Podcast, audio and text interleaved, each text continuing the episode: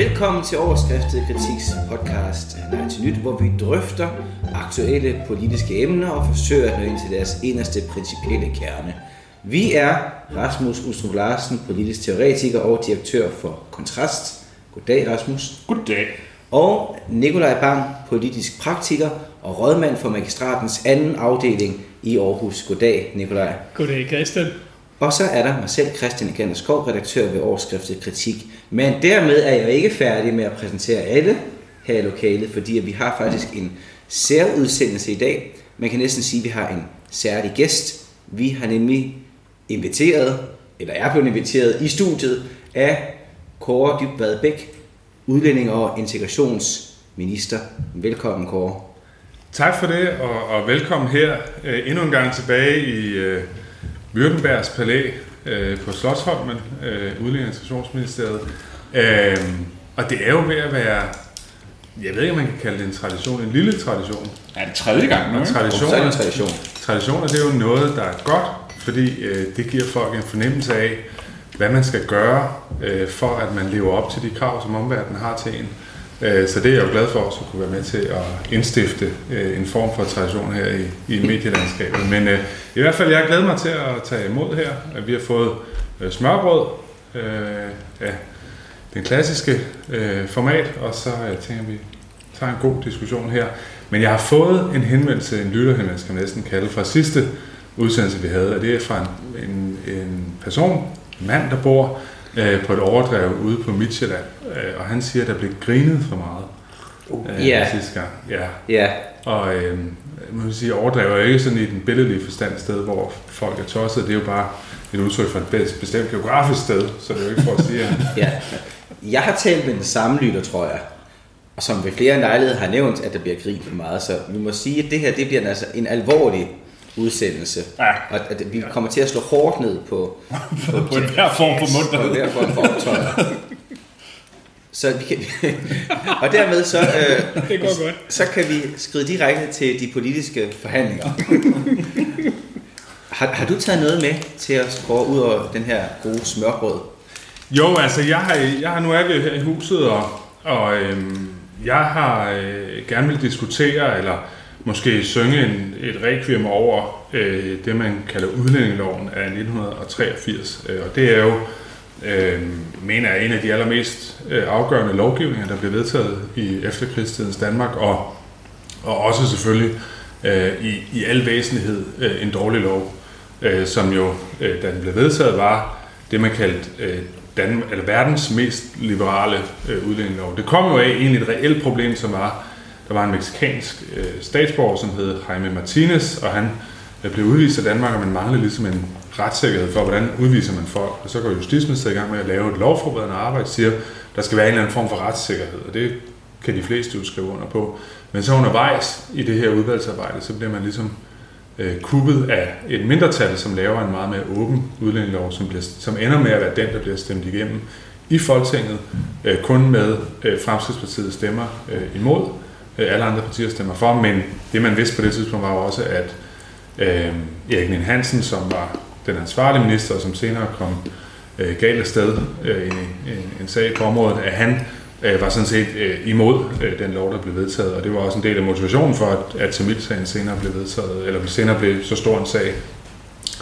Og jeg er på det synspunkt nu, øh, som jeg også øh, var i et interview omkring øh, tidligere på sommeren, at vi nu har fået spolet tiden tilbage, eller fået, øh, fået sat os tilbage til start. Altså at vi egentlig nu har den udlændingelov, som man burde have lavet i 1983. Altså at man har fjernet alle de ting, som er tosset, altså at folk kan få, at man har et begreb, der hedder de facto flygtninge, som betyder, at man, så man egentlig ikke er flygtning, kan få opholdstilladelse i Danmark, at man har retskrav på familiesammenføring, det vil sige altså, at man, at man som udgangspunkt kan blive familiesamført med hvem som helst øh, fra udlandet, endda i sin udvidede familie, ikke bare med sin kone, men med alle mulige, man på en eller anden måde var relateret til.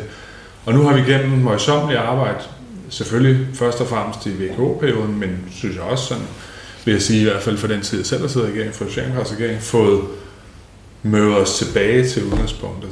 Øh, Og det synes jeg var værd at riste en rune over den, øh, fornuftige øh, tilbagevenden til, til sådan et rimeligt princip for, hvor mange der kommer til landet. Vi har, fik lige de nye opgørelser, har vi af de vesteuropæiske lande det næstlaveste antal, der kommer til landet i forhold til vores størrelse. Det er kun Portugal, der har lavere øh, tilstrømning. Og vi har vi er nogle af dem, der er bedst til at sende folk ud, som ikke har lov til at være her. Altså gennem dem, der bor på Kærsudgård blandt andet. Der lykkes vi, der har vi cirka 500 mennesker, som, som ikke er sendt ud, hvor at, øh, i Sverige for eksempel har man cirka 30.000, så, så det er noget af en forskel. Så jeg tænker, det var et godt oplæg her til, til en debat om øh, en, af, en af de væsentligste love, som er vedtaget efter tiden.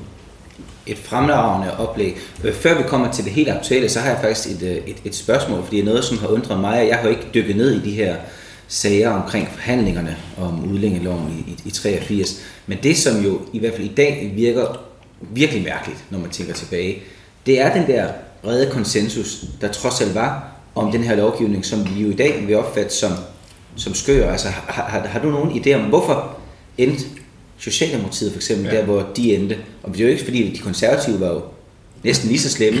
De endte jo med at stemme det samme, men det er bare meget mærkeligt, hvordan hvad, hvad ja. det var for en stemning, der var i, i dansk politik på det her tidspunkt? Altså min analyse af det er, at Socialdemokratiet er op igennem 70'erne rimelig stramme på udlændingepolitikken, øh, øh, ligesom konservative er på den borgerlige side.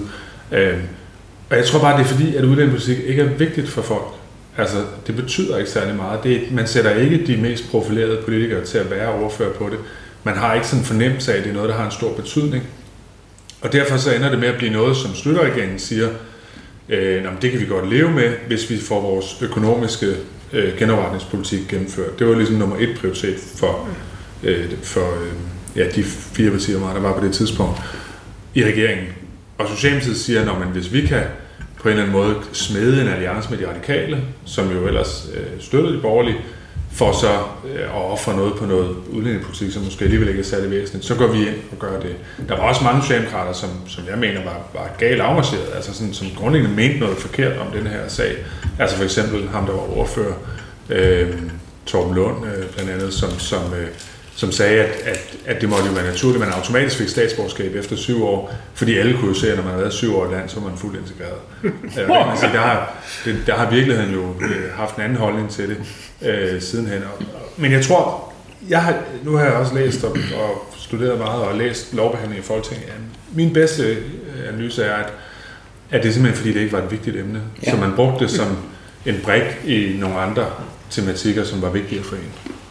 Men tror du ikke også, der har været sådan en hel masse, det er i hvert fald tænkt, at det er også en del af det, der gør det til en interessant historie, at der har været det der med, at man trods alt ikke har været mere end de her 40 år efter 2. verdenskrigs afslutning. Så der har været en hel masse idealisme, der knytter sig til flygtningespørgsmålet, som er svær helt at sætte sig ind i det. Man kendte ikke de negative konsekvenser af masseindvandring. Men det man til gengæld vidste, det var, at der stadigvæk var folk, der var aktive i politik, som havde oplevet hele det der kæmpe sammenbrud efter 2. verdenskrig. Og jeg kan huske, at jeg læste den her Evelyn Waugh-bog, uh, øh, Sort of Honor-trilogien, og nu kan jeg ikke huske det. Men i den sidste af dem, hvis navn jeg har glemt, der er en af de helt store temaer i den her bog, det er noget af det der nybrud, der sker efter 2. verdenskrig. Hvad er det nye, der sker? Det er pludselig overalt, hvor man kigger hen, så er det det, som man på det her tidspunkt kalder displaced persons. Altså mennesker, der er, ikke, ikke er der, hvor de hører til. Herhjemme havde vi de der, hvad var det, 200.000 ja, øh, tyske flygtninge, som var interneret i, øh, i, i barakker og så videre. Så jeg tror, det har været virkelig altså, sådan et, et kulturelt chok.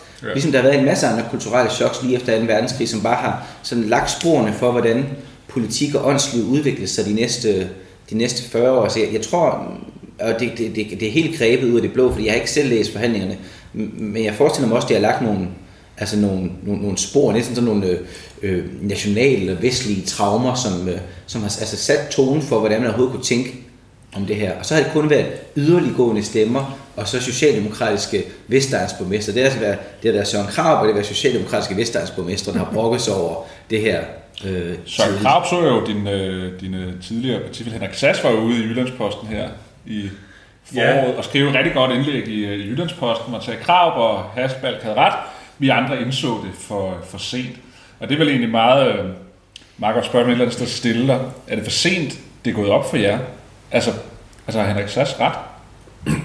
Jamen, Henrik Sass har ret, og, og jeg mener også, at Henrik øh, er en af dem, der mest vedholdende har arbejdet for, at Socialdemokratiet skulle ændre synspunkt øh, på det område her, så, så han er jo, selvom han giver den øh, store sådan historiske indrømmelse, så har han jo også selv været den, der, der på en eller anden måde har, synes jeg, rettet også ind et sted, hvor, hvor det giver mening det hele.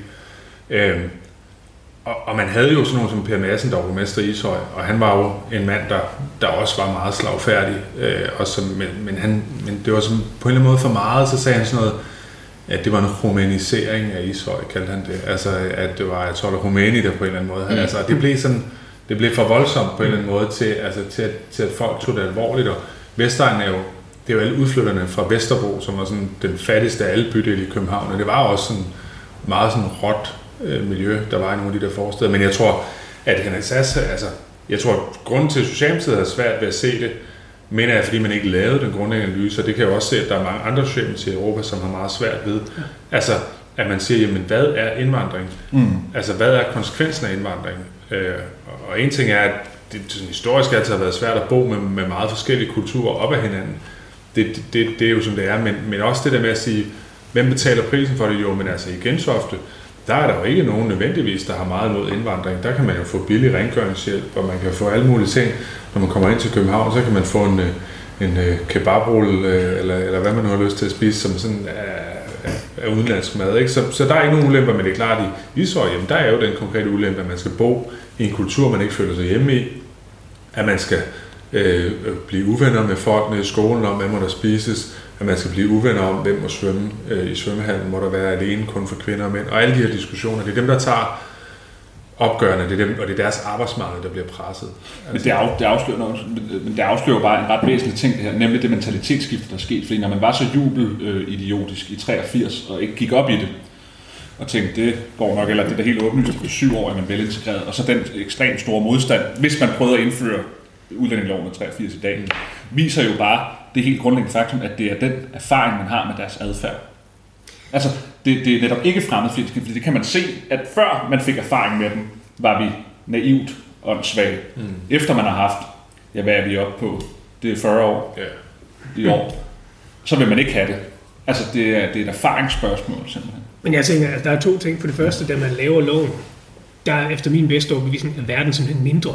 Altså, man, folk flytter sig ikke så langt. Så det er en anden type flygtninge, man taler om. Øh, det, er, det er måske folk fra Tyrkiet, der kommer for at arbejde. Det er en helt anden type flygtninge, end dem, der kommer, fordi der er krig i deres hjemland et eller andet sted i Afrika. Ikke? Øh, det, det er den ene del. Og den anden del, jeg også synes, man skal have med, det er, at nu var det jo ikke, nu var Socialdemokratiet hos dem, der flyttede sig sidst, mm. men det var jo alle partier. Hvis ikke, hvis ikke vi havde haft et dansk folkeparti, som på den der noget brutale måde fik i tale sat, der altså er et problem her, så havde, så havde vi stået det samme sted som i Sverige. Så havde man ikke selv kunnet, kunnet tage den, den interne diskussion, fordi man var et dårligt menneske på tværs af partier, hvis man stillede spørgsmålstegn ved det her med, at vi skulle hjælpe folk i nød. Øh, og, og der tror jeg simpelthen, altså der er vi over i noget, der er dels er der noget kulturelt omkring det, dels er der også en, en vil jeg næsten våge på at stå, manglende ideologisk forståelse af, hvad kultur er i forhold til et individ, som man ikke har haft på det her tidspunkt. Mm. Jeg tror da også begge to, vi har oplevet. Vi var ja. medlemmer af konservative ungdom på samme tid tilbage i, øh, i midten af nullerne og lidt fremad. Og jeg kan da huske de der voldsomme debatter, ja. der var på vores unge konservative landsråd omkring de her ting. Og der var, øh, der var det altid, øh, fronterne gik altid mellem den der totalt frie indvandring, altså det, yd, det yderliggående liberalistiske argument, hvor man slet ikke anerkendte, at der var behov for at tænke i grænser i nogen forstand, hverken grænser for, hvordan folk kunne opføre sig, eller nationale grænser, eller noget som helst. Den eneste grænse, det var den, der gik ved ens ejendom, fordi der for ejendomsretten, øh, ligesom ind, og, og det, der, der var lige noget, og, der var lige noget på, på spil der. Og så, og så, og så hvad havde nogle af os, der måske havde et andet synspunkt, og de debatter dengang, de var altså også giftige, og det var trods alt nogle år efter Dansk Folkeparti var, var slået igennem. Og den måde, jeg oplevede det dengang, jeg ved ikke, om det var på samme måde i, i, i DSU, det var også, at der var sådan en modreaktion imod det, fordi det var sådan noget, der kom derude fra, fra sumpen.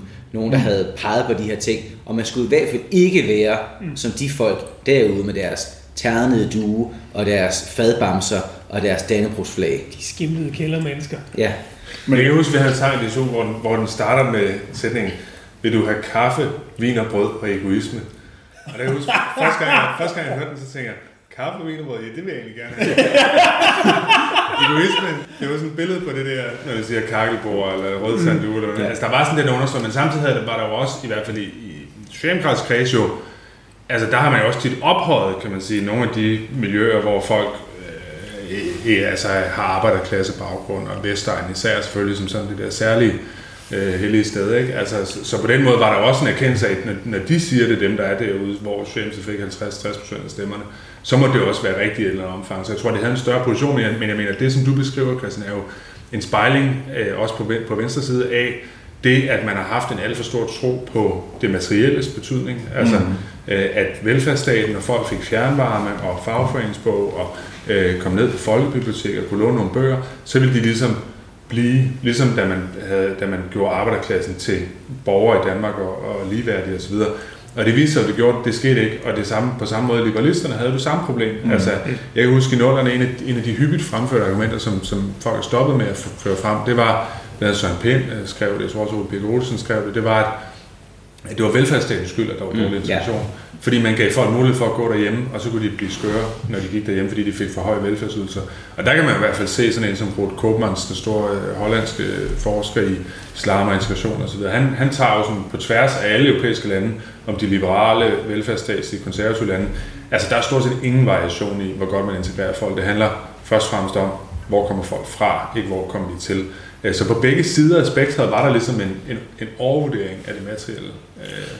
Men Kåre, hvad er det, der Du nævnte det selv lige før. Jeg har synes, det har været interessant i mange år, at Socialdemokraterne i udlandet og andre steder i Europa har haft svært ved at være i øjenhøjde med deres arbejdervælgere på de her spørgsmål her. Men hvor I formåede herhjemme i Danmark, at overhale højrefløjen indenom, altså at I ja. fandt tilbage til de konservative, traditionelle værdier på mange af de her spørgsmål her, som jo også et eller andet sted, i hvert fald i min analyse, eller mangens på, på konservativ fløjs analyse, satte de borgerlige skakmat, fordi de borgerlige havde pludselig ikke noget at gøre, fordi I havde faktisk sat jer på deres værdipolitik, og kompliment til dig, du var jo en af de intellektuelle frontløbere i den øh, positionering, der gjorde, at hvad fanden skulle de så gøre? Jo, så prøvede Venstre så at rykke til venstre på værdipolitikken, sådan noget Marie Bjerre, øh, så videre. Det kan man se, det er ikke nogen succes, fordi sådan er danskerne åbenbart ikke, som de fleste, der går ud, lov for det. Men, men hvad er det, der gør, at, at I ser, hvis man skal være lidt fræk, den trumpistiske vending i mm. arbejdervælgerne, før de andre europæiske socialdemokrater gør det? Jeg vil sige, at de østrigske socialdemokrater gjorde det også før os. De havde en kansler, der hed Christian Kern, som også var, var meget langt fremme øh, i allerede 2016-17 stykker. Men ellers er det rigtigt nok, og, og stadig mange steder en diskussion. Der er så også mange steder, hvor man ikke har taget det synspunkt, hvor man så bare er på kirkegården i dag. Altså for eksempel mm. Frankrig. Mm. Partiet Socialist var jo et ret stort parti, øh, præsidentbærende. Øh, Øh, I Holland har de det også rigtig svært. Også et klassisk stort socialdemokratisk parti. Italien er også fuldstændig øh, decimeret. Altså, så, så jeg tror, der er ligesom dem, der har nået til vores analyse. De klarer sig generelt fornuftigt. Øh, og så er der dem, som er helt modsat. De, de mange af dem altså, har ingen betydning. Og så er der en gruppe imellem, som tror jeg stadig er i tvivl. Altså hvor for eksempel det svenske Socialdemokrati øh, lige nu befinder sig. Øh, og der, der tror jeg bare, det er... Altså for os var det var det den der, altså den der grundanalyse, og nu siger, nævner han i SAS, altså når han er vokset op i Torstrup Gård og har set alle de ting, som skete i 70'erne og 80'erne med sådan et boligområde, så kommer han jo med en anden erfaring, end hvis man øh, har en mere sådan, måske mere teoretisk at diskutere indgang til politik.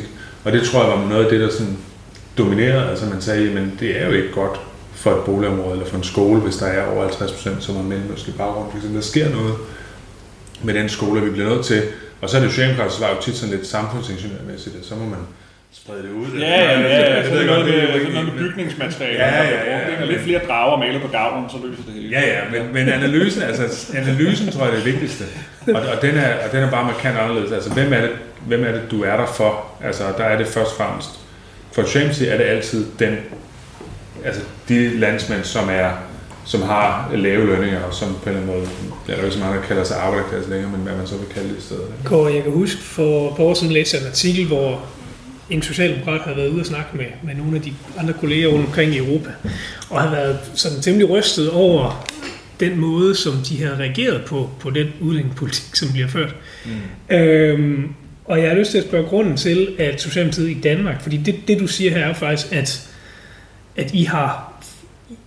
Nogle af jer repræsenterer de grupper, som er påvirket af det her direkte. Mm. Øh, jeg er fristet til at spørge, er det fordi de socialdemokratierne i de andre europæiske lande ikke har fat i det segment mere? Eller er det bare fordi I har været, haft en anden tilgang til det?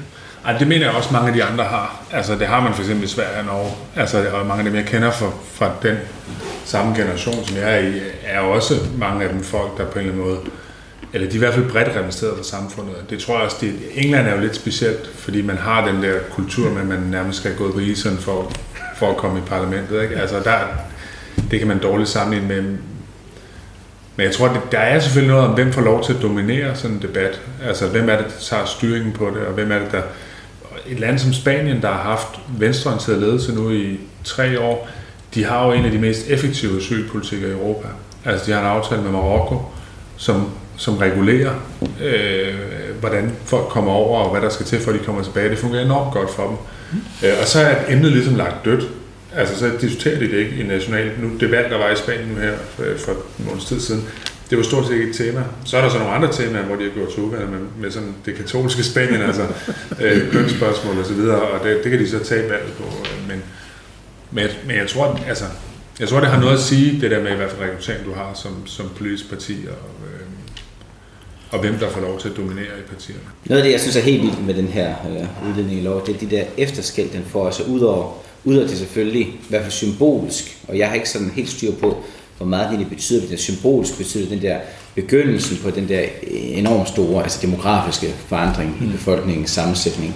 Og det kan vi snakke mere om bagefter, men også bare sådan rent uh, politisk. Og det er bare sjovt, når udgangspunktet det er, at man, uh, man støtter den her lov for at lave nogle få, altså nogle fiksfakserier i øjeblikket. Og hvad er der så, der sker efterfølgende? Jamen, der sker jo dybest set efterfølgende det, at uh, den konservative, altså den borgerlige regering, falder som følge af udlændingespørgsmålet indirekte, i på grund af Tamilsagen. Mm.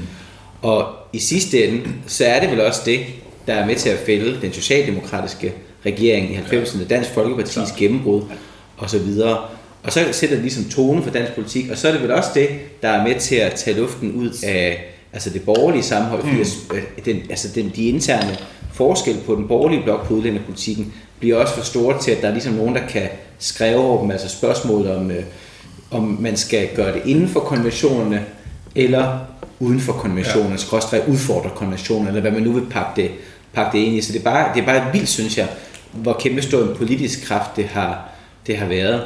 Og, og det er det også, øh, så hvis man tænker frem, i, i takt med, at det her netop knytter sig også til, til øh, ikke bare konkrete sociale udfordringer med at integrere en generation, men jo i virkeligheden knytter sig til en demografisk forandring af Danmark i dybden. Mm.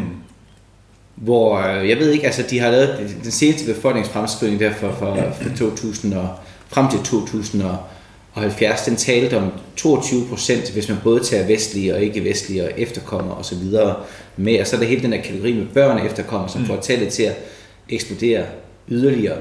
Det er bare meget voldsomt, når man først gør det op i de tal, og så overvejer, om det så også får en, altså en accelererende indflydelse på dansk politik fremover. For lige nu taler vi jo alle sammen om, at øh, den er sådan lagt død, og mm. udlændingepolitikken falder på vælgernes dagsorden. Det eneste folk er bange for i dag, det er, om de drukner, og om russerne kommer og alt det der. Men det er bare interessant at tænke på, om, om når, i takt med, at udfordringen vokser, og det tyder den jo på, at den gør, fordi at, øh, Altså man bare ser noget som, som skolebørns øh, resultater, at selv de her børn af efterkommere har resultater, der ligger mm. øh, markant lavere end almindelige børn af dansk oprindelse. Det er bedre, det er bedre end deres forældre, men, men det, er, det er stadigvæk øh, et, øh, det er stadigvæk ret lavt. Øh, så, så, så det er bare noget, der, der har trådet rigtig langt frem i tiden, hele den der integrations øh, udfordring. Så jeg undrer mig bare hvad det kommer til at betyde vi, i, i, i fremtiden. Vi trak nogle øh, tal til en specialkurs på Danmarks Statistik, hvor man bad mig om at lave en definition af børn og efterkommere, og så se på for eksempel kriminalitet osv. Der er jo ikke så voldsomt mange af dem, fordi de er jo stadig relativt unge. Mm. Men dem, der er, at altså, det er lige så, stort set lige så skidt, som det var for, for efterkommerne. Så det, du peger på, er jo det helt afgørende problem. Det er jo, hvor mange generationer skal der gå, før at man enten kan snakke om, at deres adfærd begynder at minde om den danske adfærd, eller at de bliver så mange, at problemet bliver stort igen. Men, det er jo, men, men når du siger, jeg kan godt forstå, at du siger, når du siger, at den er, den er lagt død, fordi det er den i vælgernes bevidsthed. Men den er jo ikke lagt død i den forstand, at SVM-regeringen var altså hvis man ser lykkes træk ind på midten, et resultat af udlændingepolitisk diskrepans på højrefløjen, fordi at han ikke ville lave noget regering med Nye Borgerlige eller Paludan, hvis han kom ind i 19. Så han får allerede trukket, trukket linjerne op der, ikke? og siger, alright, hvis det er med Pernille Vermund og Rasmus Paludan, jamen så er jeg ikke med der. Så det har stadig en kolossal indflydelse, fordi at det, der gør, at Lykke mm. grundlæggende ikke vil med de andre, er udlændingsspørgsmål. Ikke? Så Ja. det har jo stadig Det er jo fordi, der står udlændings, udlændingsspørgsmålet står jo i et rum med to vægge. Den ene til højre, som siger, at du skal overholde konventionerne. Det, der er jo Dansk Folkeparti udenfor, Nye Borgerlige udenfor, Støjberg indenfor. Ikke? Ja. Og så har du på venstre side spørgsmål, det er lidt mere svært at afgrænse, men spørgsmål om, anerkender man, at antallet har en betydning? Og der vil også ved enhedslisten vil sige, at antallet har en betydning, men anerkendelse det handler jo også om, hvad man de facto stemmer, når man så har mulighed for at regulere antallet. Der, der synes jeg også, at enhedslisten alternativt er måske øh, Øh, øh, ikke er alvorligt nok omkring, hvor, hvor stor en betydning det har. Men det, der sker i øjeblikket, er jo bare det, at vi ikke får særlig mange til landet fra Mellemøsten. Øh, Vi får mange til landet fra alle mulige andre lande. Sidste år, når jeg kiggede ned over listen over folk, der fik opholdstilladelse til Danmark, så er det romaner, der er den største gruppe, 8.000 mennesker, polakker og tyskere, 6.000 hver. Øh, Og så begynder det at gå nedad, og så uden for Europa, så er det Indien den største med 2.000, USA nummer 2 med 1.500, og så Filippiner og kineser osv. Altså, så det er bare for at sige, det er rent nok, der sker en demografisk ændring nu, men den demografiske ændring er især en ændring, som handler om, at europæere kommer til Danmark, og den er enormt differentieret geografisk i Danmark, på den måde, at jyske kommuner, især Vestjylland og Nordjylland, har typisk en nummer to befolkningsgruppe, som er litauer, romaner og polakker. Ja. Altså hvor danskere selvfølgelig klart er størst, men så kommer de som nummer to, hvor sjællandske kommuner typisk vil have øh, tyrkere som den næststørste gruppe, eller syre. Øh, så, altså, så demografien ændrer sig, men, men hvis dem, diskussionen med danskerne, som jeg mener, man skal have, hvis den handler om at sige, kan vi tåle, at der kommer nu har vi fordoblet antallet af udenlandske arbejdstagere fra 160.000 til 300.000 de sidste 10 år. Kan vi tåle, at der kommer 160.000 mere de næste 10 år? Hvis spørgsmålet er, om det er britter, øh, tyskere, rumænere, øh, så, så tror jeg, det er en nemmere samtale at føre, end hvis det handler om, at man, at man skal genoptage den politik, der var i 80'erne. Man tror da ikke, den svære diskussion med danskerne er, øh, om vi har et beredskab, der gør, at vi ikke får en situation, som vi fik for ganske få år siden, hvor det vælter ind med folk, der går på vores motorveje, fordi der er vel sådan set ikke noget i vores system nu, der gør, at vi kan håndtere det overhovedet på nogen som helst måde anderledes, end vi gjorde dengang. Om der er i yderste konsekvens har man det, man kalder nødbremse, som, som, øh, som EU-landene kan gøre brug af, men det, men det er klart, det kan man ikke gøre, fordi der kommer 10.000 for eksempel, som jeg mener stadig vil være et meget voldsomt tal. Mm. Men, men der skal man højere op, altså det, det er sådan det aller sidste. øh. Men altså, ja, men, men vi kan jo se Holland og Belgien, kæmpe stort tal, Tyskland, kæmpe stort tal. Ja. Snakke med, øh, med tyske øh, partifælder og sådan noget, de er jo ekstremt nervøse for, øh, at der er mange borgmestre dernede, der er rasende over at skulle indkvartere øh, så mange, og det er jo lige syd for grænsen. Altså, Men hvad er årsagen? Altså, hvad er årsagen til, at, at vi ser den differentiering så for de lande og Danmark? det tror jeg, fordi, ja, altså nu er det mit bud, jeg skal nok prøve Ja, at ja. være med at være alt for. Men mit bud er to ting. For det første, at svenskerne har strammet meget på deres politik, det vil sige, at Sverige er ikke på samme måde hovedvarme. Ah, så Danmark er ikke et transitland på samme Nej, måde. Danmark og Norge var jo i al væsenhed øh, overflod for svenskernes tiltrækning. Øh, eller hvad hedder det? Det er noget, der flød over. Eller sådan, ligesom, ikke? Men, men den anden ting er, at folk, der kommer til Danmark, som ikke har lovlig ophold, altså som ikke har asylgrundlag, de ryger ud af landet igen. Og det er der masser af lande i Europa, hvor man ikke gør. Altså, som vi siger, svenskerne har 30.000, tyskerne har 300.000 i den kategori. Altså folk, som har fået at vide, at du har ikke lovlig ophold i Danmark, men man formår ikke lige så øh, klart at sende dem tilbage til det land, de kommer fra. Der har vi i Danmark en politik, hvor man, hvis man ikke har lovlig ophold, hvis man bliver afvist som asylansøger eller bliver udvist ved dom, så ryger man på Kærshovedgård, hvis man er enlig, og på Avnstrup, hvis man er familie, indtil man forlader landet. Og man kan ligesom ikke, man kan ikke vente sig til at få en opholdstilladelse. Og der er det jo helt anderledes i en masse lande, hvor der kan man så færdes lidt i den sorte økonomi og sove under broerne eller sådan nogle venner eller eller andet, og så stadig tjene flere penge måske, end man ville i Eritrea eller hvor man kommer fra. Den gruppe af europæiske folk, der kommer til Danmark, bliver de boende? Har I talt på det? Eller er de her en periode og tager hjem igen? Jamen, dem fra Østeuropa er der en del, der, der eller Centraleuropa også, er der en del, der kommer tilbage. Ja. Eller, eller der er en del, som bliver her. Men, men det er klart, for dem, der kommer fra sådan klassisk vestlige lande, øh, Storbritannien og øh, Spanien osv., der, der er en højere procentdel, der tager hjem igen. Ja. Altså, så, så det er... Øh, men, men der er nogle landsbyer i Ringkøbing Kommune for eksempel, hvor, hvor at, øh, polakker og rumæner udgør en meget stor del af befolkningen efterhånden. Ja, og så endte det hele jo i virkeligheden lykkeligt. Vi fik problemet løst, og det var jo dejligt. Det skulle jeg gøre for mange år siden. Og så kan vi komme til det næste punkt på dagsordenen, og der er flere, der har taget emner med, og jeg ved, at øh, du har taget et emne med, Ja, Rasmus. ja. Det er, det er den her kampagne her, Alex han kører med Alex og ansvaret. Og det er Vi skal nok øh, gøre det klart for lytterne, hvem Alex er. Alex, Alex Vandopslag. Ja. Ah. Ja, LA's leder, ham den unge knægt, som, øh, som jo har den her kampagnebudskab, eller politiske budskab, der handler om ansvar. Og det er jo, jeg, synes, jeg synes jo, den er skæg, fordi at den har haft så stor et, øh, et tag, særligt de unge, men, men der har også været en, sådan en, en, en hungren efter borgerlige budskaber, der stikker dybere end, øh, end, end, end økonomiske spørgsmål, eller bare at man råber frihed, men at man at den anden side af frihed, det er ansvar, og en, der fokuserer på ansvar først og fremmest, og frihed dernæst, har det ligesom været sådan en stor øh, hunger efter. Men en af kritikpunkterne, der har været af det, er jo, at han siger grundlæggende ikke noget, som man ikke kunne få enhver socialdemokrat til at sige. Og det vil han jo så mene, at øh, kunne man forestille sig, at det er i hvert fald ikke rigtigt. Nu var, vi, nu var jeg inde i KB-hallen og se hans, øh, hans, hans show, hvor han stod derinde. Og så fik man en snas på hans, øh, hans reklamevideo til, her til efteråret, med, som er en tømmermester, der, øh, der står, det er en fantastisk reklamekampagnevideo, der fortæller, hvordan han er ude et eller andet sted i Vestjylland, tror jeg det er, vælger at tage en, øh, en person, der har lidt svært ved at fungere i skolen, og så videre, tage ham ind i virksomheden, og, øh, og så give ham nogle rammer og lære ham, hvordan, øh, hvordan man er på en arbejdsplads og så videre. Ikke? Og så siger Alex ligesom, det er det, der er det kerneborgerlige budskab. Det er, at man ude i tømmervirksomhederne tager ansvar i lokalsamfundet, hjælper dem, der er på kanten. Og så sad man og tænkte, det er et super godt budskab.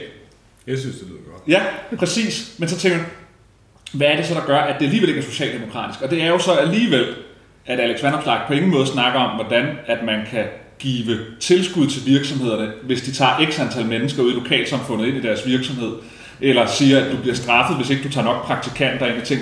Altså, at man mangler den der statslige dimension, eller kommunale dimension af ting. Ikke? Men det, jeg synes vil være interessant, nu vi er her på kort, det er selvfølgelig, at kan du genkende, altså, altså fordi et eller andet sted er der noget kerne socialdemokratisk i hans kampagne, og så alligevel er der jo ikke, fordi at han rækker en lang finger til, til jeres kærlighed til, til statsstyring og kommunal styring, der skal sikre, at alle er med i fællesskabet, uanset hvad.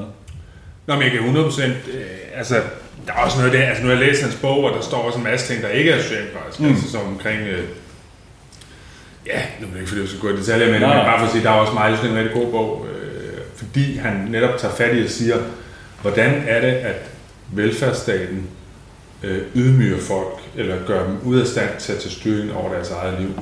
Og det er jo en meget, meget stærkere øh, liberal angrebsflanke at sige, vi har et samfundssystem, vi egentlig godt kan lide, men der er nogle mennesker, som simpelthen bliver frataget deres, deres øh, værdighed ved, at, at vi er på den måde, som vi er, at jobcentrene og alle mulige andre funktioner på den måde øh, øh, nedværdiger folk, samtidig med, at man så har inde på, jeg tror det er Kødbyen, han giver som eksempel, sådan et eller andet konsulenthus, der er kommunalt, som Anders også sætter post-it-sedler op, som han så fik lukket.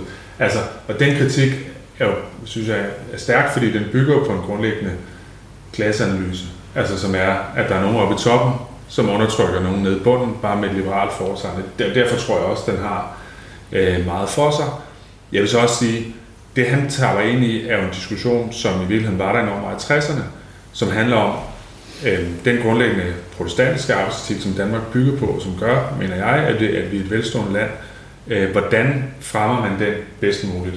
Fremmer man den, som øh, for eksempel Jørgen Lemborg sagde dengang, fremmer man den, eller øh, hvad hedder han, øh, det er en af Møllerbrødrene sagde det, var kan huske, hvad for en af dem det var, men, men Paul, ja, siger, jamen den fremmer man ved at sikre, at der er så mange som muligt, som har selvstændig forretning, som har mulighed for at tage ansvar for det, så bliver øh, ens øh, arbejdsløst fremmed, og dem, som ikke vil lave noget, det betragter han som dem nede i bunden. Altså det er dem, som er, på en eller anden måde bliver gjort dogne af systemet, fordi de får penge.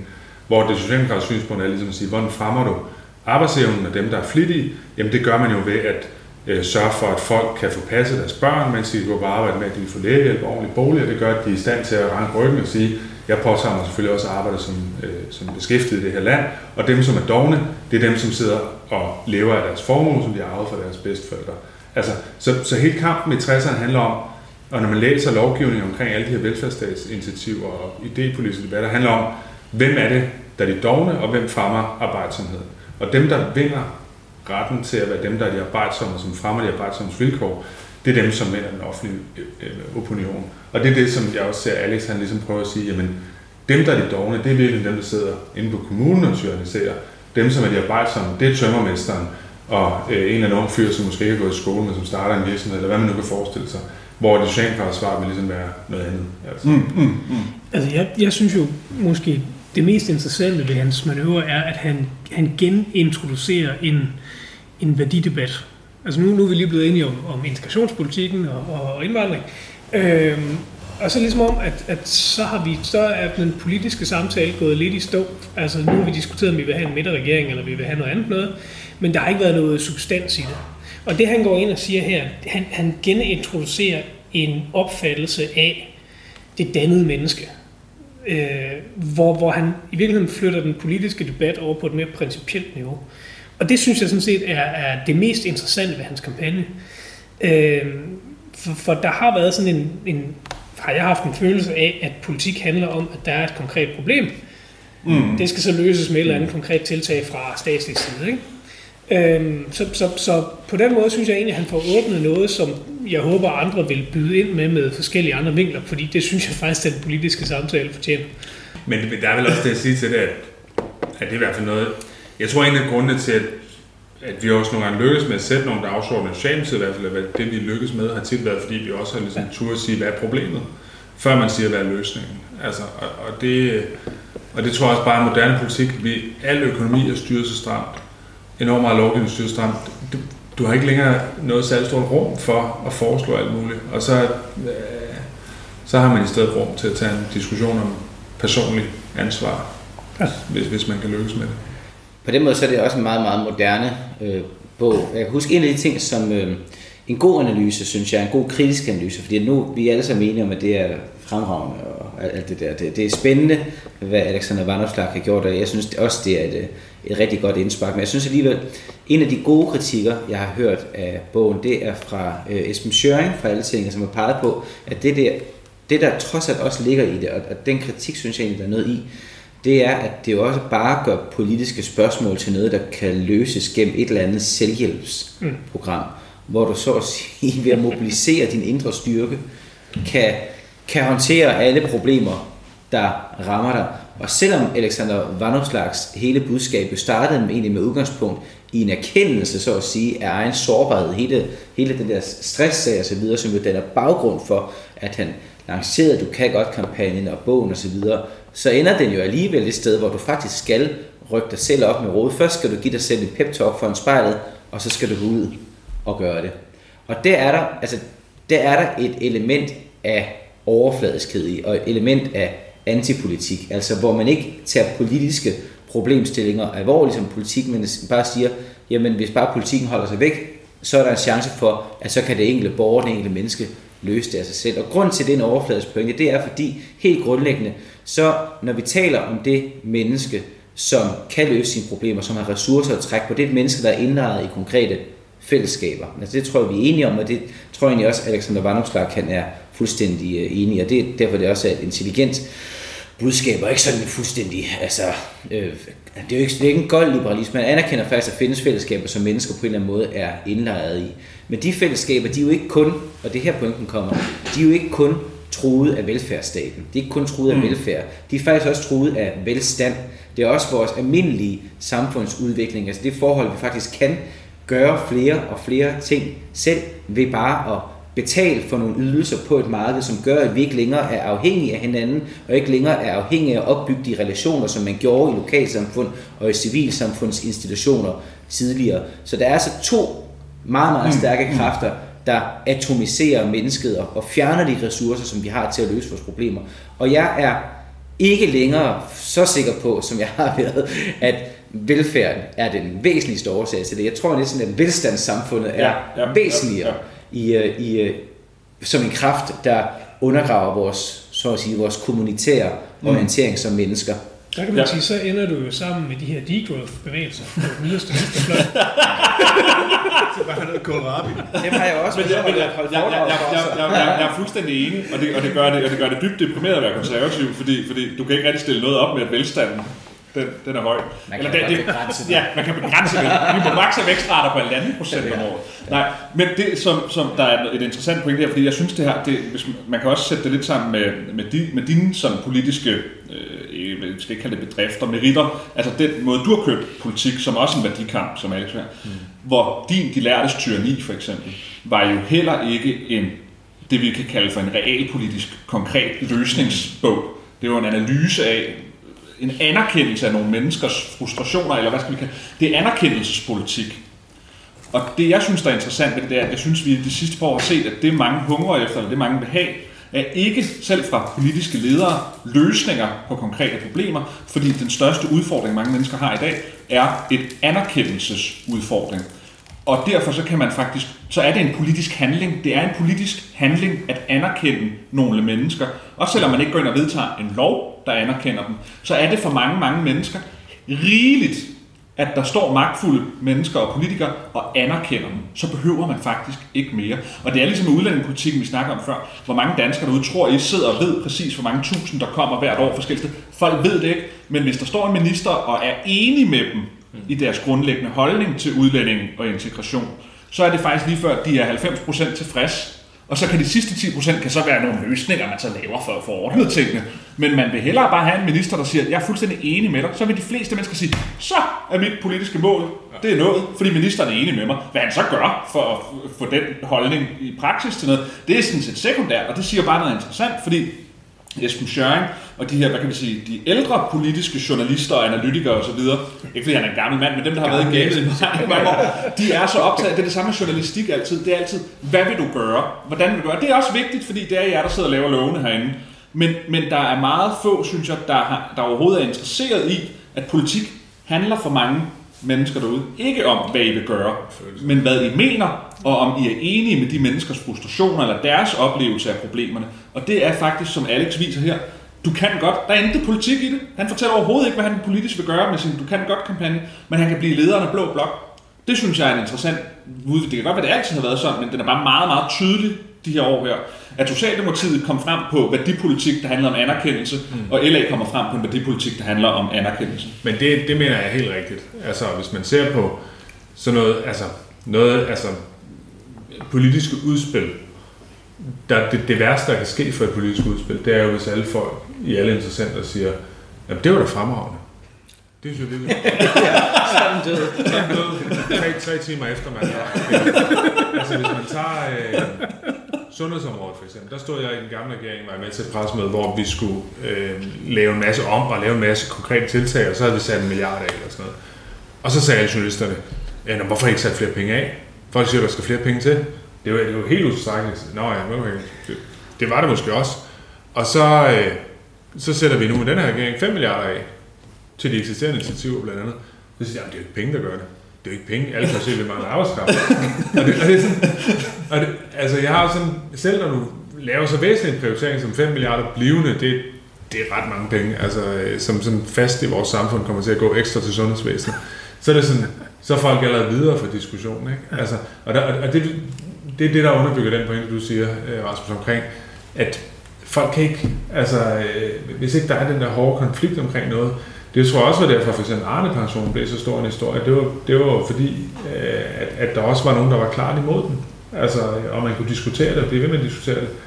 Hvor hvis en diskussion bare går død hurtigt, jamen så, Ja. så, så, så er der jo ikke så meget. Jeg synes bare, der er en analyse på flere niveauer her, fordi jeg er fuldstændig enig i, at I, ligesom, I, har, I har fundet en god måde at hacke politik på. ved, ved, ved, ved, ved, ved at tale til folks anerkendelsestrang. Altså, Ja. det, det er sådan, systemet virker. Men der er jo, det, jeg tror, min kritik er, er, hvad hedder det, er, hvis vi vender tilbage til, til Vandopslags bog, det er det der med, at øh, det kan godt være, at det politisk set virker som et budskab, og alt ære og fred med det. Men der er et samfundsmæssigt problem, som jo egentlig er bogens udgangspunkt. Og det synes jeg i mindre grad bliver adresseret, hvis det er sådan, at man ikke finder konkret politik til, som kan understøtte de fællesskaber, som rent faktisk gør det muligt mm. at leve meningsfuldt som, mm. som individ. Så jeg, jeg kan udmærket købe den politiske analyse, men så bliver det, altså det, det, det bliver meget hurtigt en, øh, en kynisk analyse, hvis man bare kan, kan sætte sig ned og blive vældig begejstret over, at man på en eller anden måde har fundet en måde at blive blå bloks eller rød bloks leder på, i stedet for at tage problemet, som bogen egentlig adresserer alvorligt, og så vurdere, om det problem bliver løst, eller adresseret korrekt på en måde, hvor, hvor det overhovedet kan løses, gennem det budskab, bogen har. Jeg tror, man kan leve relativt lang tid på budskabet alene. Ja, politisk. Ja, ja, ja, ja men, men, men hvis man ser på det ud fra sådan en, øh, nu skal vi stemme optimere, vi skal have noget fremgang og alt det der, ikke? så har han her et, øh, et, et øh, budskab, der taler ind i en problematik i tiden. Det, det er noget nyt. Det bliver serveret af en ung, frisk mand.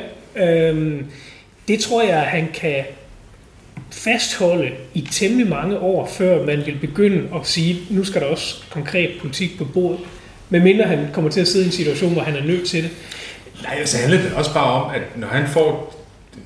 Det er ikke fordi, jeg skal lave strategi for heller altså. men, men der er jo åbenlyst en opbakning i det her. Ja. Og det gør jo også, at LA kan sætte sig ind på et tidspunkt, og så trække nogle konkrete resultater ud af det. Så kan det være, at man kan få indført øh, skolepraktik hos virksomheder fra alle skoleklasser fra 7. klasse op. Så kan det være, at man kan få indført fradrag for unge mennesker, der tager et fritidsarbejde. Så kan det være, at man kan få lavet om i jobcentersystemet. Altså, opbakningen er jo også det, der gør, at man kommer ind i forhandlingslokalet og rent faktisk skal ændre noget. Øh, og jeg tror sådan, umiddelbart virker det til, at, at, at, ikke fordi bogen er fyldt med så meget, der er tror jeg, et enkelt kapitel, hvor der er nogle sådan konkrete anvisninger, men, men det virker det til, at man sådan nogenlunde ved, hvad det er, man gerne vil ændret for at fremme de værdier. Øh, på den måde synes jeg... Men oplevede du, Kåre, da du tog øh, både udkantsproblematikken og det der med det der styrni og så videre, da du tog det op, oplevede du, det var din anerkendelse af de udfordringer, folk havde, der gav dig øh, en stemme, eller Socialdemokratiet fik noget, eller var det jeres konkrete lovgivningsmæssige forslag, der rykkede noget? Fordi jeg har lidt en tese om, det start, at altså 90% af det er, at I snakkede så meget om det, yeah. og så det de sidste 10% om udflytning af, af ting, eller hvad det var, øh, I lavede af forskellige ting, var, var faktisk grundlæggende ikke det, der gav jer opbakning. Nej, det tror jeg rigtig nok. Altså, ikke fordi jeg synes, løsningen er ekstremt. Nej, nej, nej. Men, men, men det tror jeg rigtigt. Altså, at, at det er... Øh, det er et spørgsmål om, hvem man taler til, øh, og, og hvem, som du siger, man, man anerkender. Jamen, jeg, jeg tror sådan set, at, at vi overvurderer, øh, hvor meget almindelige mennesker følger med i konkrete lovforslag, medmindre det berører dem personligt. Ja. Altså, de kan, jeg tror, at de fleste, og det, det kommer til at lyde arrogant, men jeg tror sådan set, at de fleste folk fornemmer, hvad er det her for, en, for et menneske, hvor er det vedkommende nogenlunde gerne vil hen. Og medmindre man så laver lovgivning efterfølgende, som direkte strider mod det, og dermed undergraver ens troværdighed, så tror jeg sådan set, det er nok til mm. at flytte en stemme. Mm. Og så har vi fået en uh, udførlig opskrift i, hvordan man flytter stemmer og hacker det politiske system, og så må samfundet ellers klare sig selv. Nu skal vi tale om noget langt vigtigere. Der er nemlig overgået det danske folk en katastrofe yeah. i det, at højesteret til deres store skam, har slået vores elskede, vores dybt elskede flaglov ihjel. Jeg kan huske, at når man gik ind i flagbutikken for at købe sit flag, så lå det tit i en lille pose, og der stod der i den lille pose, at Danmark er et af de eneste lande i verden med en flaglov. Og det er vi så ikke længere, fordi at der var en idiot, en ond mand, en ond, ond mand i nærheden af Kolding, som hellere vil flage, fremmede flage med Stars and Stripes, som er det amerikanske flag, i stedet for vort kære gamle Dannebro. Og det kom politiet gudskelov og satte en stopper for. Og hvad gjorde han så? Ja, så var han rethaverisk. Og i stedet for at bøje sig for øvrigheden, som han burde, mm. så førte han proces. Og Gud hjælp, Gud hjælpe mig, om han ikke vandt.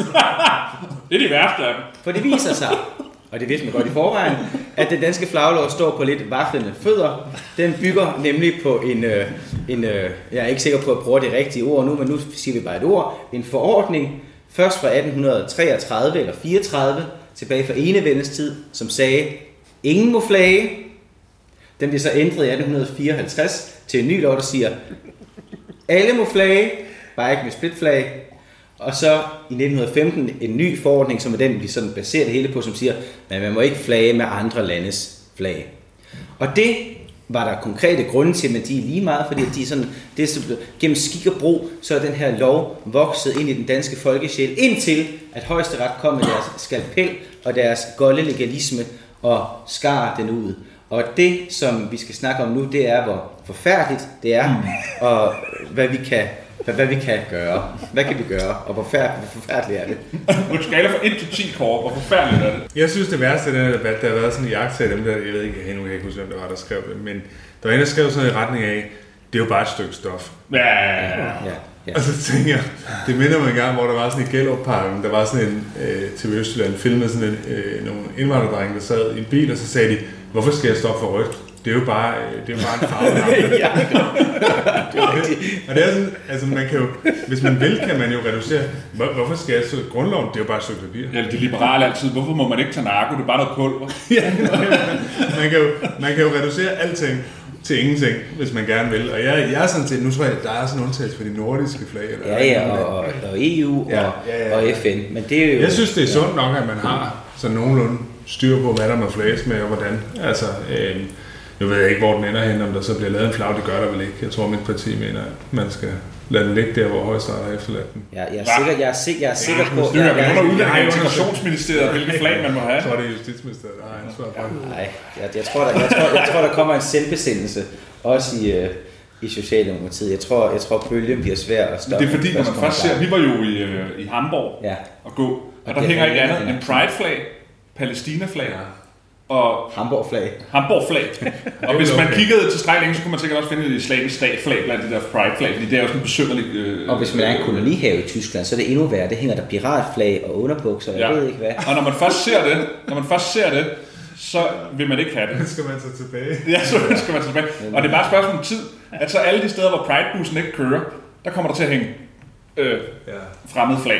Det, det, det, det bliver et vilkår her i København. Og så har vi overgivet os, både symbolsk, men i så sandelig også i flagmæssig forstand, til fremmede horder. Men man skal, jo, man skal jo tænke over, hvad, hvad er et flag apropos? Altså, det er ikke bare et stykke stof. Det er en repræsentation af et fællesskab. Ikke? Og, og lige om lidt, så vil der være nogen, der begynder, så en ting med de der piratflag og, og politisk flag og alt muligt andet, men, men der, hvor det bliver bekymrende, det er, hvis vi begynder at se bydele for eksempel, mm. hvor der dominerer et andet flag. Så er det en måde, ligesom, ligesom man taler om kirketårne og minareter, mm. hvis man sådan er i den genre, så, så bliver det her et symbol på, hvem er det, der bestemmer her. Og hvis man, hvis man tillader det, så understøtter man også en modkultur og en ghettodannelse og alle de der ting, der kan komme med den her bevægelse. Og vi har ikke set det endnu, gudskelov, men, men man kunne godt frygte, at det bliver konsekvensen. Hvis det bliver ligesom i Hamburg, så bliver hele Nørrebrogade og alle de der frygtelige sider og Blågårdsgade, hvad det ellers hedder. Det bliver bare øh, Pride og Palæstina-flag over det hele. Husk, hænge det er ud af vinduet, ud af lejligheden. stat. Må du så ikke fjerne den der plakat på Superflex? Så, så, så vil jeg gerne bytte en. Men jeg tror faktisk helt, helt, helt alvorligt, uanset om det så lige bliver det flag eller det flag, for jeg, tror nu heller ikke, at Pride-flaget er sådan heller ikke reguleret af, af flagloven, så, så, så, så, så, så den er egentlig, øh, egentlig en lille smule uvedkommende i forhold til det. Men man kan sagtens forestille sig altså sådan en libanonisering mm, af de danske præcis. flagstanger, øh, flagstænger. Altså hvorfor ikke? Og netop hvis det er sådan, at vi er på vej ind, og det er vi jo sådan, altså igen rent demografisk i et mere multikulturelt samfund, mm.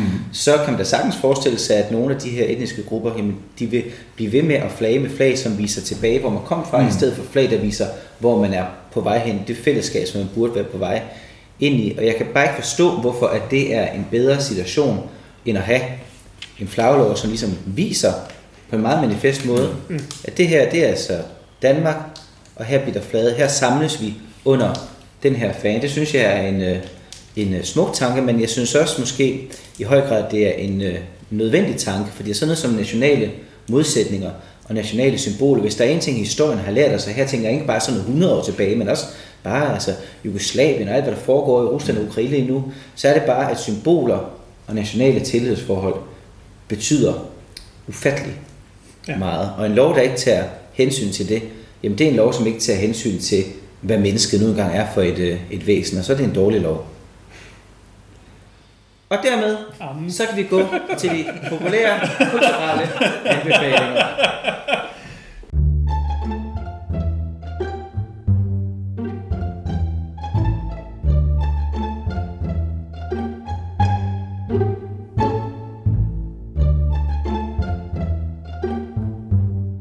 Hvad har du taget med til os? Jamen, jeg overvejer, jeg har været på Statens Museum for Kunst, og det overvejer jeg faktisk at anbefale, for der er nogle fantastisk smukke malerier derinde. Men så fandt jeg ud af bagefter, at de har hængt sådan nogle, jeg troede det var det der Superflex. Men så har de hængt Hvad er det der Superflex? Det er dem, der har den der plakat, der hedder Fitness Foreigners don't leave us alone with the Danish. Åh, oh, Gud. Ej, det, Det er Superflex. Den hænger i blåbærskade derhjemme stadig. Jeg troede, det var et øh, supermarked eller sådan noget. Den har en Superflex. Og der fandt jeg ud af, så hænger for eksempel en fantastisk maleri øh, på Statens Museum for Kunst, der hedder B&V's jernstøberi. og der er også sådan et, der hedder øh, Fiskere fører redningsbåd gennem klitterne. Fantastisk. Godt det ved man, hvad er. Ja, ja, det er jo fantastiske malerier. Og så ved siden af, så hænger der sådan på engelsk sådan en tekst, hvor der står, øh, jeg tager mig selv altså, i at forsvare mit land. Er det fordi, jeg er nationalist? Eller sådan et eller andet. Hvor jeg tænker, hvorfor hænger der sådan en plakat? Det er jo, det er jo ikke kunst på samme niveau. Så, jeg, så jeg vil sige, Statens Kunst var noget, jeg havde tænkt over. Men, men man skal lukke øjnene for nogle af tingene, for Ja. at komme godt igennem. Så, så jeg vil stadig anbefale øh, anden film i det, man kan kalde den københavnske slum-trilogi, som starter med øh, Midt om natten, så er der Tarzan Mamma Mia, og så til sidst De Frigjorte. Og det er jo øh, Clausen, Kim Larsen, makkerparet, som sådan, øh, lever sig ind igennem de tre store slumkvarterer i København. Sydhavnen først, og så øh, kommer det til Vesterbro, og så til Nordvestkvarteret. Øh, og, og heldigvis så er det sådan, så, så Erik Clausen han bytter Kim Larsen ud som skuespiller med øh, Michael Falk. Øh, og han er, øh, hvad man sige, han er en bedre sanger der måske, men han er en bedre skuespiller, end, end Kim Larsen var i filmen. Og der får man det der billede ind i både København i 1989, altså på Vesterbro, hvor man har øh, værkstedet i baggårdene, øh, store øh, tomter, hvor, der, hvor børnene kan lege med den her hest, de har fået, fundet frem til, eller vundet en cornflakespakke. Øh, øh og så er det sådan et billede på, tror jeg, sådan Erik Clausen prøver at mane fællesskabet ind i storbyen. Altså han, det er sådan, at, at hun vinder den her hest, og så siger faren først, øh, som er håndværker, og så bor i sådan en kvistlejlighed en baggård, han siger, at den har vi ikke plads til. Og så kommer øh, den lokale smedmester og siger, hov, hov du, øh, din datter, hun er, hun er jo knap nok for lov til at være barn, hun køber ind for dig konstant, hun skal da have den hest, den kan stå over ved mig. Og så, og så, øh, og så samler fællesskabet sig ligesom omkring den der hest, og den får bygget en fold og så videre. Og så ender det selvfølgelig med, at hesten oprindeligt tilhører en pige, der bor i et forstadskvarter, jeg tror det er Ballerup, det var det bedste, jeg kunne finde frem til sådan umiddelbart af billederne, som så har mistet den, fordi at hendes forældre er gået konkurs, og det var så også et billede på, på, øh, på 80'ernes øh, Storkøbenhavn, og så ender det med, at den bliver genforenet med pigen i Ballerup, og så er den sociale orden genoprettet. Hun fik sin hest tilbage, men undervejs i processen har borgerne i Absalonsgade på Vesterbro opdaget, hvad fællesskab kan gøre for dem alle sammen. Ja, det er, det er, det er en smuk film. jeg er ved at bygge en film med det. Det er, så, det er sådan noget, man ser, når man har børn, og jeg har også set uh, Tarzan Mamma Mia mange gange. Og, og jeg vil sige, netop de der, altså udover selve handlingen, som bare er altså, sød på en eller anden måde, og, og, og især hvis man har en pige, og så er der noget med en hest, og det er fantastisk, så er det rigtig godt. Men, men så er netop de, der, netop de der billeder fra, hvordan København så ud dengang, det er super fascinerende, når man ikke har oplevet det. Jeg har ikke øh, oplevet det. Jeg har jo for så vidt levet på det tidspunkt, men vi var aldrig nogensinde i, øh, i, øh, i København. Så den film, men også den første, du nævner, Midt om natten. Det allerbedste i Midt om natten, som er den her film, hvor de dybest set bygger noget, der minder om Christiania, øh, et eller andet sted dernede i Sydhavnen. Ikke? Øhm, det allerbedste i den film, når man ser den i dag, det er i virkeligheden de første scener, hvor de stadigvæk er slumstormer, mm. eller husbesætter, eller hvad man skal kalde det, og der er sådan nogle virkelig, virkelig nedslående billeder af, hvor Det er Amager. super Det er Sveriges forfaldent for Amager super forfaldent det er. Det på, det, det, det på Amager. Okay, jamen det, det, det kan jeg jo ikke se. Jeg kan bare se, at det ser simpelthen ud af helvede til. Og det er bare meget, meget fascinerende, at øh, København har set øh, sådan der ud for så kort tid siden. Jeg mener, den er fra 84 eller 85, så det er præcis det år, øh, jeg er blevet født. Og der har byen bare været altså, en, en, en åben kloak. Men der er jo noget længsel efter det hos Socialdemokraterne, ikke? Der er jo noget... Fordi, fordi det er Længsel det åben Socialdemokraterne er ved med at snakke om. Det går du også, da du var boligminister, ikke? Altså, altså, det er et problem, at folk har ikke råd til at bo i byen og så videre. Ikke? Så, jo, men det er jo netop fordi, man gjorde op med det slum, ikke? Så det er fordi, I vil gerne have det tilbage et sted, hvor folk ikke gider bo der, sådan, så alle har råd til at bo der, fordi det er så lidt eftertragtet. Det må være logikken i jeres... øh, Folk kan også få råd til at bo der, hvis man bygger nok til, til at folk faktisk skal have råd. Men, men, men ej, altså, det var jo Socialdemokratiet først og fremmest, der førte de ændringer igennem, som stoppede det der. Altså byfornyelsen, som jo var grotesk dyr, kostede 50 milliarder kroner for hovedstadsområdet. Øh, og også, øh, da man solgte de, alle, de kommunale boliger, gjorde dem til andelsboliger, som dengang var sådan mere en billig boligform. Eller sådan. Så, så det er klart, man ville jo væk fra det der, og det krævede jo en eller anden form for ændring af boligmassen. Det er ligesom, når man ser Peter Belli blive væk fra vort kvarter musikvideo. Man tænker, det er måske ikke så moderne, men vi er glade for, at der simpelthen bare sådan en ruin uden tag, hvor man tænker, ja, det er ikke top moderne, nej, det er ikke engang et hus, og det er ikke engang et bygning. Det fede er, at han siger, så forsvinder købmanden, og så kommer der et supermarked, hvor man ikke kan købe på klods. Ja, ja, præcis. Så er der varer som skidt, men, men giver han kredit? Det gør han ikke. Jeg har, jeg har, jeg har, så, stor sympati, jeg har så stor sympati for, Ja, ja, men for jeg det, der, det er det er et umuligt politisk standpunkt, ja. som, som en romantisk indstilling til tilværelsen. Det er det, det eneste, det eneste, man kan indtage overhovedet. Fællesskab gennem fattigdom. Nemlig. Ja, Ja, det er målet. Problemet, som jeg var inde på tidligere, problemet er nemlig velstand. Ja, præcis. Nikolaj, hvad har du taget med til os? Jamen, øh, jeg har... Øh, jeg har haft fornøjelsen til at ved at være med til åbningen af den gamle by, eller genåbningen, eller, eller revideringen, eller hvad vi nu skal kalde det, øh, hvor vi havde besøg af dronningen, som kom og, og holdt en lille tale og klippede en snor. Øh, men det, der er interessant ved det nye, den gamle by, det er, at de jo selvfølgelig stadig har alt det gamle, den gamle by, men de har også lavet en ny afdeling, mm. fordi de gerne vil fastholde noget, som ellers ville forsvinde lige om lidt. Og det er sådan en slags rettidig omhu. Øh, De har dels lavet det jo for nogle år siden, den her 70 afdeling, nu har de faktisk lavet sådan en 90 afdeling, hvor man kan få lov til at gå ned gennem sådan en gågade med de der hvide og sorte sten, som man hoppede rundt på som barn, fordi man ikke måtte røre den ene farve. Og man kan se en blockbuster-butik, og man kan gå ind i en bank, hvor der er en skranke, hvor man kan stå og tale med mennesker. Fordi, var det ikke noget med, at det var helt op til... 2014. Helt op Ja. til 14. Ja, jeg Ja, mener ja, de bare, har det var, det, var, det var nullerne også, man har taget med i udstillingen, ikke? Jamen, de, de går helt Det er op. vores Ja, ja, ungdom, ja. vores Ja. ungdom, Ja, der ja, kom jeg arbejdede Ja, ja. Da det gik konkurs. Og der gik I ikke ind og redde den. Du er arbejdsløs. Nøjes med danske. Men det herlige, det herlige ved det her er at se, øh, i virkeligheden at opleve det selv, men også at se den genkendelse, som andre folk får. Første gang jeg så det, det er mange år siden, der var jeg, der var jeg sådan, noget, hvad hedder sådan noget, påhæng til Per Stig Møller, som skulle ind i den gamle by og se den der 70 afdeling. Og da han kom ind, han kunne godt være sådan lidt uh, moody, tror jeg, jeg vil kalde det. Så, så kommer han ind, og så siger han sådan lidt, hvorfor har I lavet sådan en 70 by? Det er, der, det er noget gammelt lort. Og, sådan noget og så gik, han, så gik han ned gennem den der guk, og så kom han forbi en radiobutik. Det er altid det, der får folk til at tørre op. Og derinde, der stod den radio, han havde haft, da han var knejt.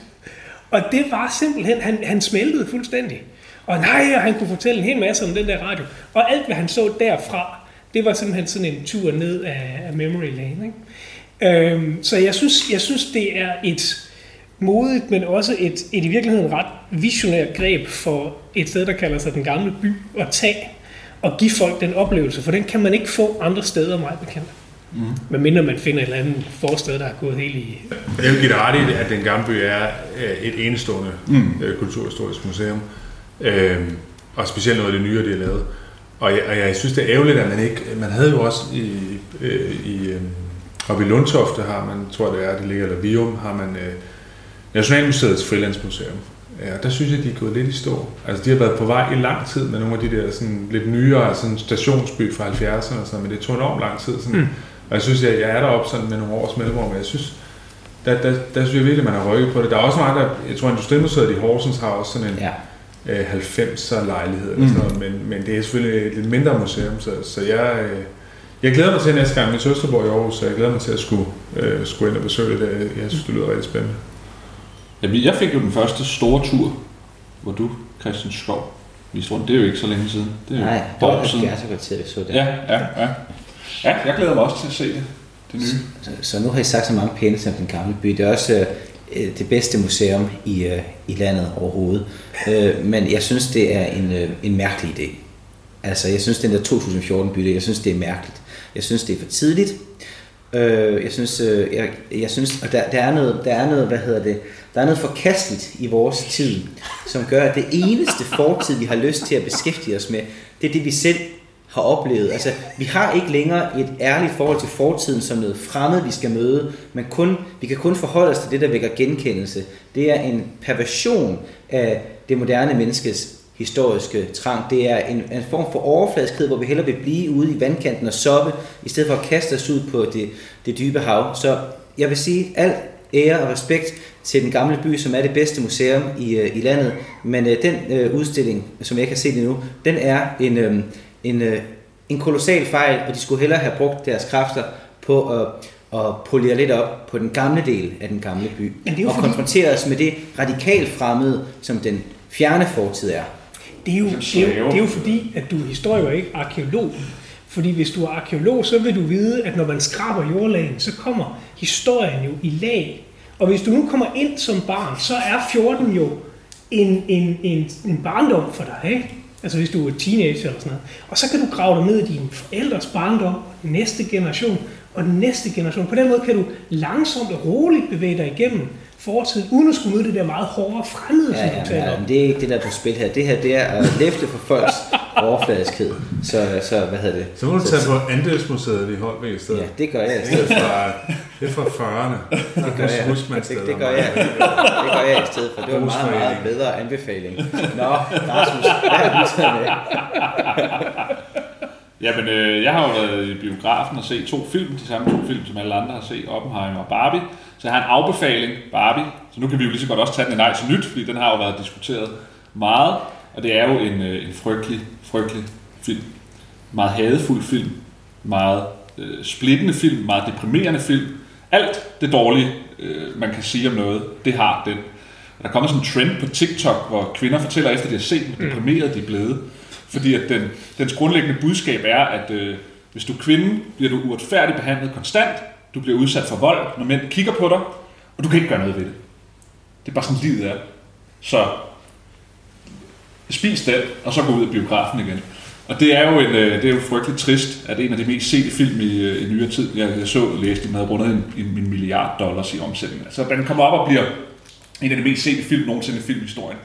Og det er så en film, der er et stykke hardcore politisk, ideologisk øh, kunststykke, som bliver en af de mest sete film øh, nogensinde. Og det er en milepæl for feminismens øh, indtog, at den ikke længere er noget, øh, kultureliten ligger og leger med i obskure øh, øh, arthouse-film, men nu bliver en af de mest sete film i filmhistorien, der bare er et stykke ekstremt hadefuld øh, feministisk ideologi, der grundlæggende prøver at fortælle, at mænd og kvinder er fjender, de er modstandere, og kvinder skal frem på mænds bekostning, fordi mænd er kun øh, noget i verden på kvinders bekostning. Det er vildt, synes jeg, at det nu er en af de mest sete film i, i filmhistorien. Og meget ærgerligt. Har du set Barbie, Kåre? Nej, jeg har ikke set nogen af de to film. Nå. Så, øh, men, men, øh, men jeg havde nok også mest tænkt mig at se. Men nu bliver jeg da helt tvivl. Jeg har heller ikke set Barbie, og jeg kommer heller ikke øh, til at se øh, Barbie. Jeg har læst anmeldelser nok af den til at være helt enig i din, øh, i din vurdering, og det der med ikke at have set noget, det, er- det er aldrig noget, der skal stoppe en fra det er at udtale sig. Nej, det er det ikke. Så når man først har skrevet en bog, så ved man, hvor mange, hvor mange, hvor mange der hejler den ned, uden at den. Og så vil jeg også have lov at gøre det. ja. Så det jeg vil sige om Barbie, det er, at jeg synes, der er også noget, der er også noget interessant, udover det der med, at den bare har brudt igennem mm. på den måde, fordi at den taler et tidens sprog, og den taler en meget, meget forfærdelig del af tidens sprog. Så er der også det der med den der overfladiskhed, der bare lige for at bruge det begreb igen, der ligger i det, at det som det budskab, der er i det, går, det er jo en form for frigørelsesbudskab, for det er jo selvfølgelig en kritik af, at vores samfund er sådan. Det er ikke meningen, at de der kvinder skal gå ud og blive ved med at være deprimerede. De skal også gøre noget ved, at vores Ja. samfund er så uretfærdigt indrettet. Det er, hvad det er. Film kan godt være politiske og ideologiske, men der, hvor det så bliver så uærligt, det er, at det, som det jo i virkeligheden leder hen imod, det er bare, at der skal være en brand awareness omkring Mattel-koncernen og Barbie-dukken. Så det er det, som folks indignation skal føres over i, at de bare skal identificere de her produkter, sådan nogle produkter, der ligesom har de rigtige værdier. Det er så gennemført for loven, som det overhovedet kan Ja, være. ja. Altså det er ren og skær varefetisisme for at tale marxistisk. Ja, ja. Og det synes jeg bare er værd at notere sig. Alle de der folk, der nu går rundt og tror, de er blevet frigjorte, de er bare blevet slaver af et, øh, af et produkt. De er blevet kommodificeret. Det er jo Boltanski siger Pellos store analyse. Ikke? Det er jo, at kapitalismens øh, overlevelse har altid været funderet i, at den indoptager venstrefløjens kritik af den, for så at transformere den til et kapitalistisk produkt og arbejdsbetingelser og alt andet. Ligesom øh, det fremmedgørende at skulle sidde på kontoret dagen lang. Fint, så arbejde hjemme. Så øh, nu er jeg totalt øh, frigjort på arbejdspladsen. Ja, fedt mand, ikke? Men så forventer vi også, at du tjekker din mail døgnet rundt, ikke? Altså, så, så, så kapitalismens øh, udvikling, konstante konstant udvikling og legitimering af sig selv er, at Altså, i den forstand er det et klassisk eksempel på det. Ikke? Man bliver kritiseret for noget godt, så tager man bare et budskab, der er radikalt modsat det, man hidtil har været, og så siger folk, okay, nu er Barbie bare mega fedt. Ikke? Og det er fordi folk er øh, idioter, de køber. Det er utrolig god markedsføring. Jeg, øh, jeg læste en, øh, en artikel fra USA, hvor man har lavet en analyse af, hvad stemmer unge mennesker på. Og der sker i øjeblikket ret store bevægelser. Øh, og det man kan se meget, meget tydelige tendenser på blandt folk, der sådan er sene teenager, det er, at kvinderne stemmer på venstrefløjen, og drengene stemmer konservativt. I en markant højere grad end tidligere. Øhm, Altså så der, herhjemme eller hvad? i USA. Nå. Så der sker simpelthen en polarisering mellem mænd og kvinder. Mm. Og det er, synes jeg, fordi jeg ved godt, hvad baggrunden for det her er, enormt bekymrende. Øhm, en ting er, at der altid har været nogen, altså man trækker lidt i den anden side, men her er det, her er det signifikant. Øh, her er der en, en, en markant tocifret procent øh, forskel på, hvad de stemmer. Og det synes jeg er en bekymrende. Det er på grund af alt det feministiske had. Det er på grund af Barbie. Ja. Det er bare Altså, jeg tror, i skandinavisk samfund, tror jeg, det handler om, altså hvis man går tilbage til 50'erne og 60'erne, var det jo Ja. mændene, der stemte rødt, kvinderne, der stemte ja. borgerligt. Altså der handler det ligesom om, hvem er det primært, der ønsker en forandring, hvem er det primært, der, der også søger til det, der er. Eller sådan, og der, der stemmer kvinderne jo nu rødt, Ja. og selvfølgelig også, fordi man gerne vil bevare den samfund, som, som man har. Afslutningsvis så har jeg også en, øh, en anbefaling, og det er den film, du netop nævnte, Rasmus, nemlig Oppenheimer. En fantastisk film, som øh, dels handler om opfindelsen af atombomben, og det er interessant nok i sig selv, det er Christopher Nolan, smukt skildret og alt det her. Men det, som i virkeligheden er det interessante, det er, at den jo først og fremmest er en film til vores tid, fordi den handler om det liv, der også er vores liv, nemlig livet i skyggen af paddehatten. Fordi det er jo det liv, vi har levet lige siden man prøvesprang den første atombombe. Det er det liv, som er betinget af, at det til enhver tidspunkt kan stoppe, hvis nogen kommer til at trykke på knappen. Det vidste man under den kolde krig, og det har man så glemt efter den kolde krigs afslutning. Og nu er vi nok på vej tilbage til en virkelighed, hvor vi kommer til at huske det igen i, øh, i højere grad. Så det er bare en, øh, en, øh, en verdenshistorisk vending, vi, vi lever i. Og jeg synes, filmen den, den er aktuel, og på en helt anden måde, end, end Barbie er. Og selvom de kvikke anmeldere har sagt, at den er uaktuel, fordi den handler om gamle hvide mænd, eller endda døde hvide mænd, jamen så er den aktuel i den forstand, at den netop indfanger det vendepunkt, vi står i i historien, altså tilbage til en mere risikabel og farlig verden, hvor udslettelse er en reel mulighed. Helt enig, den er fremragende. Jeg ved ikke, om, om det er med i filmen, for jeg har ikke set den, men, men jeg læste et sted, at han på et tidspunkt øh, får audiens hos præsidenten, øh, sådan sent i sin karriere, og argumenterer ret indet for, at man skal afskaffe de der atombomber igen, fordi det er altså en rigtig dårlig idé, at smide rundt med sådan nogen. Og det gjorde Niels Bohr jo også. Ja. Han skrev breve til Churchill, hvor han skrev, at, Ja. ja. at det, det ville han gerne, og så var Churchill sådan lidt, nej, ved du hvad, det, det, lad mig tage mig af politikken. Ja. Og så, så blev Niels Bohr ved med at skrive, og så sidst så svarede han ikke rigtig Churchill. Det interessante var, at præsidenten sagde, da, da, da han forlod rummet, så sagde han, den mand vil jeg aldrig nogensinde være i et rum med igen. Den scene er faktisk også med Ja. i, øh, Ja, i filmen. filmen, ja. Det er på alle måder tankevækkende. Tusind tak for invitationen til at komme herind og tale med dig, Kåre. Det var alt, hvad vi havde for i dag. Tak for i aften. Og nej til nyt.